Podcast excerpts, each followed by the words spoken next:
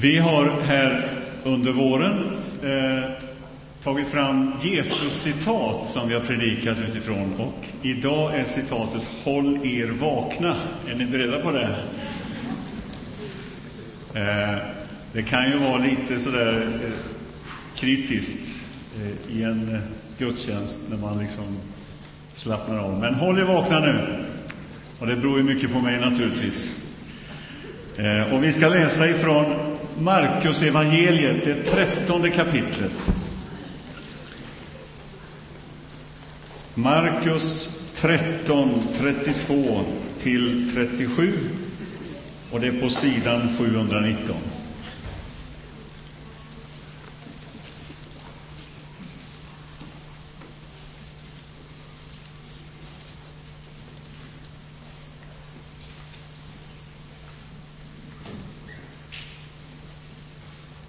Vi läser.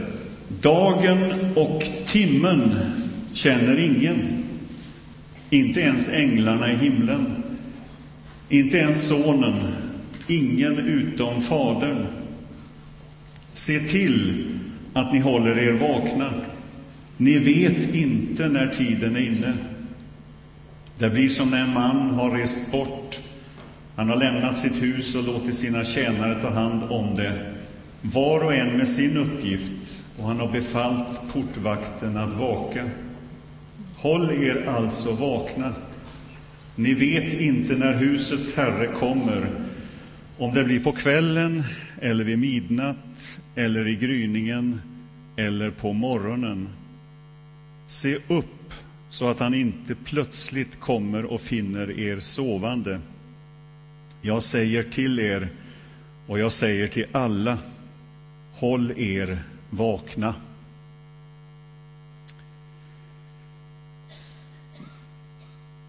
Det förekommer ju eh, olika tidsbegrepp i den här texten och den här frågan om tiden har ju sysselsatt filosofer och tänkare genom historien. Och ännu har väl ingen riktigt kunnat knäcka den där gåtan med tiden. Jag var faktiskt och lyssnade på eh, Anders Eriksson i, eh, om det är Galenskaparna eller After Shave, men han är med där i alla fall. Han har skrivit en, han hade en liten text omkring tiden. Jag tänkte börja med den. Klockan slog elva. Ingen brydde sig. Så den gick. Klockan alltså. Den gick och tiden, tiden gick ut fast den var inne. Och när tiden är inne Kanske den är ute. Tiden kanske har gått ut. Så gör den ibland. Tiden går ut, men den går aldrig in igen. Ändå är tiden inne ibland. Plötsligt är den bara inne. Hur kom den in? Vi förstår inte hur det gick till, för vi lever under tiden, hela tiden. Kanske ska man låta tiden vara och låta den gå ut men om tiden har gått ut så kanske vi måste gå ut och leta efter den och leta genom tiderna. Och då kanske vi hittar en annan tid som inte är vår. Eller också hittar vi väldigt mycket tid så att vi får tid över. Och då kan vi ta in den tiden och så kan vi sitta där och titta på den och säga nu är tiden inne.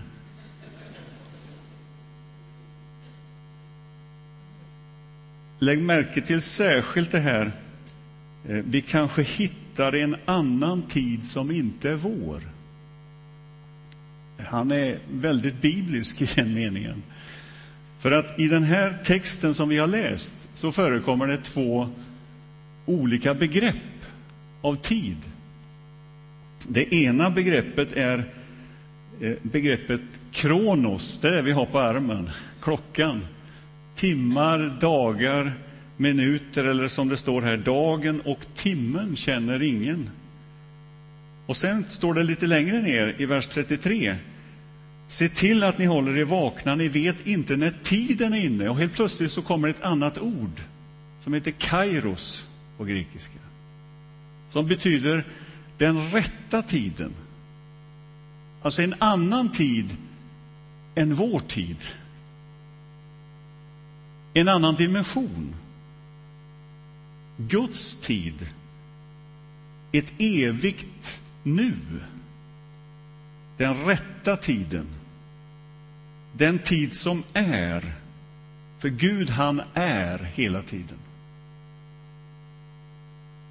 Och det är de två olika begreppen som, som den här texten innehåller, som kanske inte riktigt kommer fram i vår, när vi läser det, men det är väldigt tydligt. Kronos och Kairos betecknar två olika världar. Denna tiden som vi har här och evigheten, den eviga tiden. Och det är viktigt att säga att tiden eller dagen och timmen som beskrivs här inte är någon slags ond tid på något sätt, utan eh, det är någonting som vi har fått som en gåva, precis som Annette talade om här tidigare i presentationen. Var dag är en sällsam gåva, en skimrande möjlighet. Vi har fått en tid att förvalta. Och hur skulle det se ut om vi inte passade tiden? Om vi sa till exempel att bussen den går ungefär. Vi måste förvalta den, vi måste hålla ordning på den. Eh, och det är viktigt för att vi ska kunna fungera. En gåva att förvalta, där varje dag är en gåva, varje timme, varje ögonblick är en tid som vi har fått att förvalta. Men vi kan inte behärska den eller stoppa den, utan just förvalta den, ta hand om den. Men den här texten som vi läste här är en utmaning att hålla koll på en annan tid. Den rätta tiden. När jag var yngre så talade de gamla i församlingen hemma om att gå i beredda gärningar. Att gå i beredda gärningar. Och då menar man att det fanns stunder i livet som är liksom där Gud på ett särskilt sätt talar till oss, där Gud på ett särskilt sätt visar sig, uppenbarar sig. Kairos är dessa stunder när evigheten på något sätt gör ett snitt in i vår tid. Den kallas också för den välbehagliga tiden. Den tid som vi aldrig kan planera, men som vi faktiskt kan förbereda oss för att ta emot. Den välbehagliga tiden, Guds tid, Kairos-tiden. Och det fantastiska är när man läser evangelierna så säger den att den tiden, Guds tid, Kairos-tiden, den har brutit in i vår tid. Den omger oss nu, i det här ögonblicket. Och Anden står på något sätt för den tiden, och vi lever i Andens tid.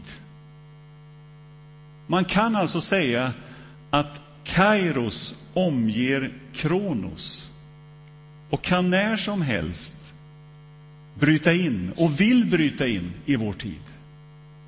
Håll er vakna för den tiden. I Bibeln så förekommer det ett uttryck ganska ofta som säger när tiden var inne. Och i Markus evangeliet som vi har predikat utifrån så kan man läsa redan i, i det första kapitlet och i den femtonde versen där Jesus, eller när Johannes eh, hade blivit fängslad och Jesus kom och förkunnade Guds budskap och sa Tiden är inne, Guds rike är nära. Och då menar han, nu är denna Guds tid närvarande, mitt ibland er. Guds möjligheter, det eviga, har landat i vår tid. Och genom, att an, genom Anden så kan vi bli bärare utav den tiden, utav Kairos, den eviga tiden som aldrig tar slut. Och det är detta som är hoppet, att när vår tid, våra dagar, våra timmar, våra år tar slut, så fortsätter Kairos-tiden den eviga tiden. Och det är ju det stora hoppet. Att Guds tid, den tar aldrig slut. den är evig. Och när Jesus talar om den här tiden eller om det här skeendet så använder han väldigt många olika bilder och en gång så använder han en bild utav en surdeg. Det är ju modernt i vår tid. En surdeg som bakas in och allt blir så småningom genomsyrat av denna surdeg. Och genom Anden bakas Guds rike, det eviga riket, Kairosriket, in i vår tid och in i våra liv. Och var så säker, det kommer att genomsyra allt. Allt ska bli som Gud har tänkt. Vi väntar på den dagen när allt är genomsyrat och när vi får se det vi nu anar. När demonerna är bortdrivna, när döden är besegrad, när Jesus återvänder till oss och Guds rike, Guds kairos, är fullt ut närvarande. Den dagen och det hoppet uppmanas vi att hålla oss vakna för, att bereda oss på. Att inte somna in i det som finns runt omkring oss, utan att se att den verkligheten kommer oss närmare och närmare. Och nu pågår den här jäsningsprocessen, om vi får kalla den så, för fullt. Och det hoppet är det finaste vi äger och har. Det har på något sätt första prioritet. Och vi vet att denna världen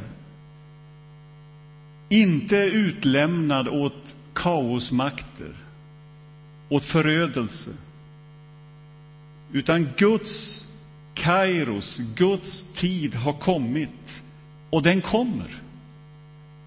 När det sker, det vet ingen, säger Jesus. Inte ens änglarna, inte ens sonen, bara Fadern vet det. Men att det sker, det vet vi. Var så säker, det kommer att ske. Och Detta går som en röd tråd genom Bibeln och det är det mest återkommande ämnet faktiskt, att den dagen kommer. När Guds rike är fullt utbyggt. När Gud ska bli allt i alla. Och Bibeln slutar med ett upprop. Amen, kom, Herre Jesus. Och då är frågan, vad gör vi under tiden som vi väntar på den rätta tiden? Det är det texten handlar om egentligen.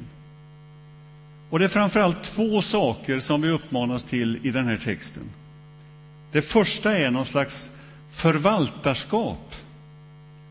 Det talas om att ta hand om det som finns, att han har gett oss uppgifter, olika uppgifter. Alltså det framtidsperspektivet som vi har, det hopp vi har, det får direkt utslag i våra liv här och nu. Och det är klart att om mitt framtidsperspektiv är att Gud ska återställa allt, upprätta sitt rike fullt ut. Att Kairos innebär de dödas uppståndelse. Att Gud har sista ordet vad det gäller den här skapelsen. Att Jesus ska komma tillbaka. Om det är framtidsperspektivet, ja, då innebär detta att livet här, kronostiden, bland timmar, dagar, minuter och år, det blir ju någonting helt annat än om jag bara är hänvisad till de här dagarna och timmarna och åren. Jag har en annan dimension också, ett annat liv. Jag har smakat någonting, sett någonting, förstått någonting. Jag lever mitt liv här, i den här tiden, med den fantastiska horisonten som säger att Jesus är uppståndelsen och livet och att den som tror på honom ska leva om han än dör.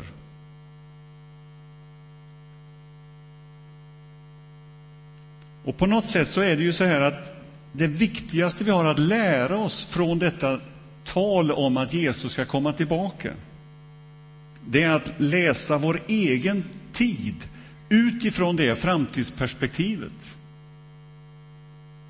Inte att hänge sig åt spekulationer, utan att implementera det livet in i våra liv här och nu. Guds handlande där framme präglar vårt handling och vårt tänk här och nu.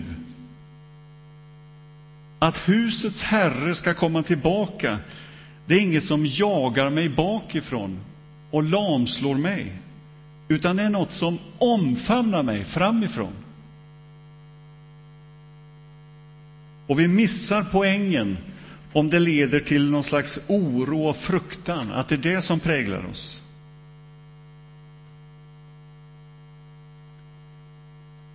Och denna visshet, den är alltså helt avgörande för mitt liv här och nu.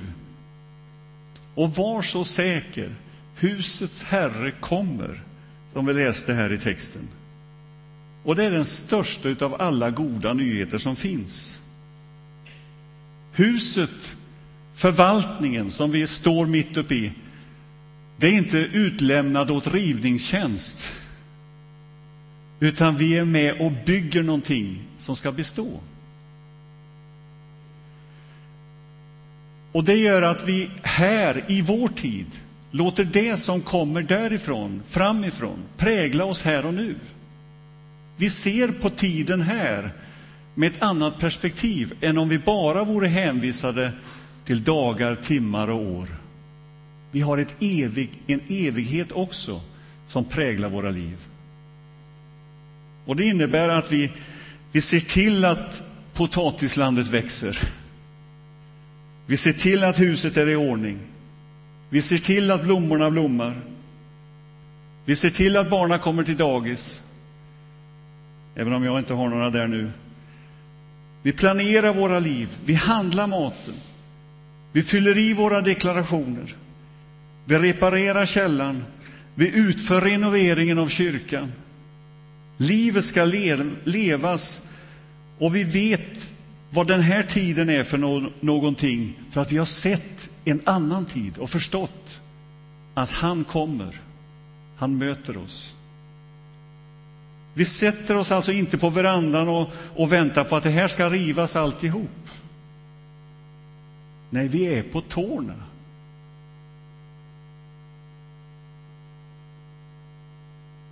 I min ungdom spelade jag mycket fotboll. Jag gör det inte längre. Eh, det, ibland så kittlar det i fötterna, särskilt på våren och i benen. Men jag minns de här genomgångarna vi hade i omklädningsrummet. Ni som har varit där inne, ni hör hur tränaren står. Nu står vi på tårna, gubbar! Kom igen! Är det någon som har hört det? Var på tårna nu, och särskilt på hörnerna. Var på tårna, gubbar, och se till så att vi inte blir överrumplade. Och den som har sett Kairos-tiden, den är på tårna. Hela tiden. Yes, vi har fått tag på någonting. Vi har förstått någonting. Någonting som övergår allt vad vi kan tänka eller ana. Och vi låter det prägla våra liv här och nu. Och en som vet vad Kairos är för någonting, det är en som står på tå. En som vet att Jesus ska komma igen. Att den här världen inte är utlämnad åt kaosmakter, den står på tå. Den sitter inte vid sidan om, utan den står på tårna med den bilden att vi väntar men inte i någon slags passiv väntan, utan i en aktivitet, i ett förvaltarskap. Och hela hans liv, eller hennes liv, vittnar om och ropar Tillkommer ditt rike, Gud. Låt ditt rike komma. Låt Kairos komma mer och mer. Vi förvaltar våra liv utifrån det framtidsperspektiv vi har. Den andra saken i den här texten det är ju uppmaningen håll er vakna. Och den är ju ganska anmärkningsvärd om man tänker efter. Det säger ju att Jesus vet väldigt mycket, men han vet inte allt. Han säger att ingen vet det, inte änglarna, inte ens sonen vet när den tiden är inne, när den tiden är här. Han säger alltså inte till oss, sätt er ner och försök räkna ut när det ska ske. Och det vore ju naturligtvis mer spännande. Och det är kanske den anledningen till att vi faktiskt har ägnat oss åt mycket av spekulationer genom historien. När Jesus säger till oss den här uppmaningen som är lite sådär tråkig, håll er vakna. Håll er vakna. Vad betyder det? Ja, det handlar ju om att hålla sömnen borta. Jag minns när jag var fiskare så satt jag på vakt. Vi satt ju vakter tre, fyra timmar. Och när man hade jobbat i ett dygn kanske eh, och rensat fisk så var det inte så enkelt att sitta vakt. Och ibland fick man den där andra vakten när man hade sovit några timmar och fick gå upp igen. Och då gällde det att hålla sömnen borta. Och det var livsnödvändigt. Och nu menar inte Jesus vår, vår fysiska sömn här, utan han tänker på det att det finns sånt som får oss att sova andligen. Och då är det ord som anpassning, likgiltighet, mättnad. Det är de största hoten, som jag ser det, mot mitt liv också. Att jag blir nöjd. Att jag inte är på tårna. Att jag liksom lutar mig tillbaka. Ah, det där kan andra ta hand om. Att jag inte är hungrig.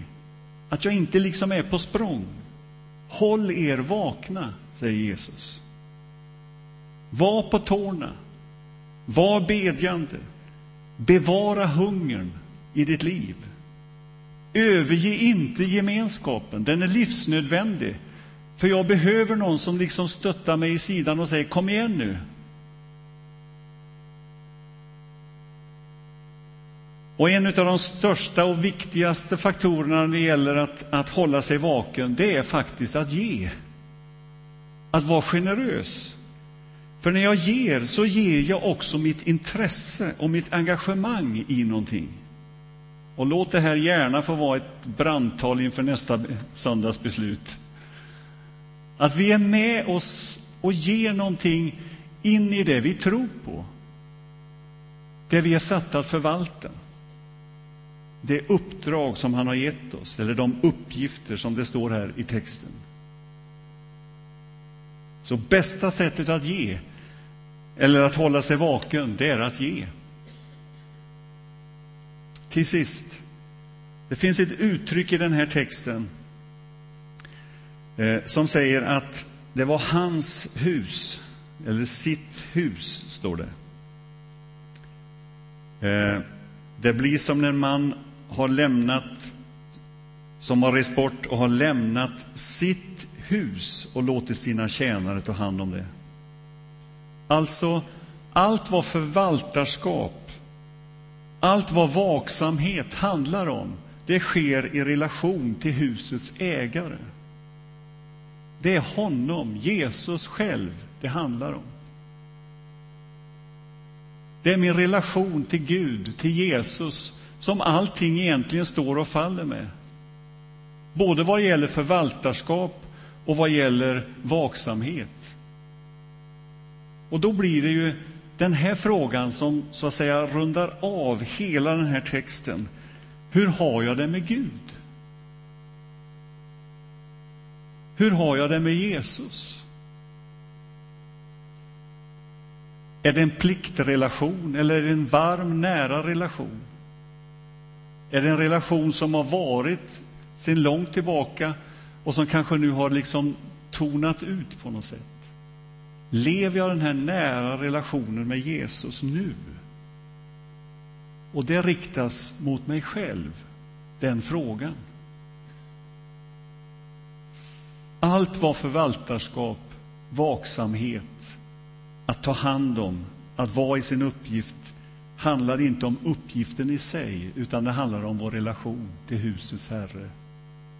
Vår trohet, vår överlåtelse till honom.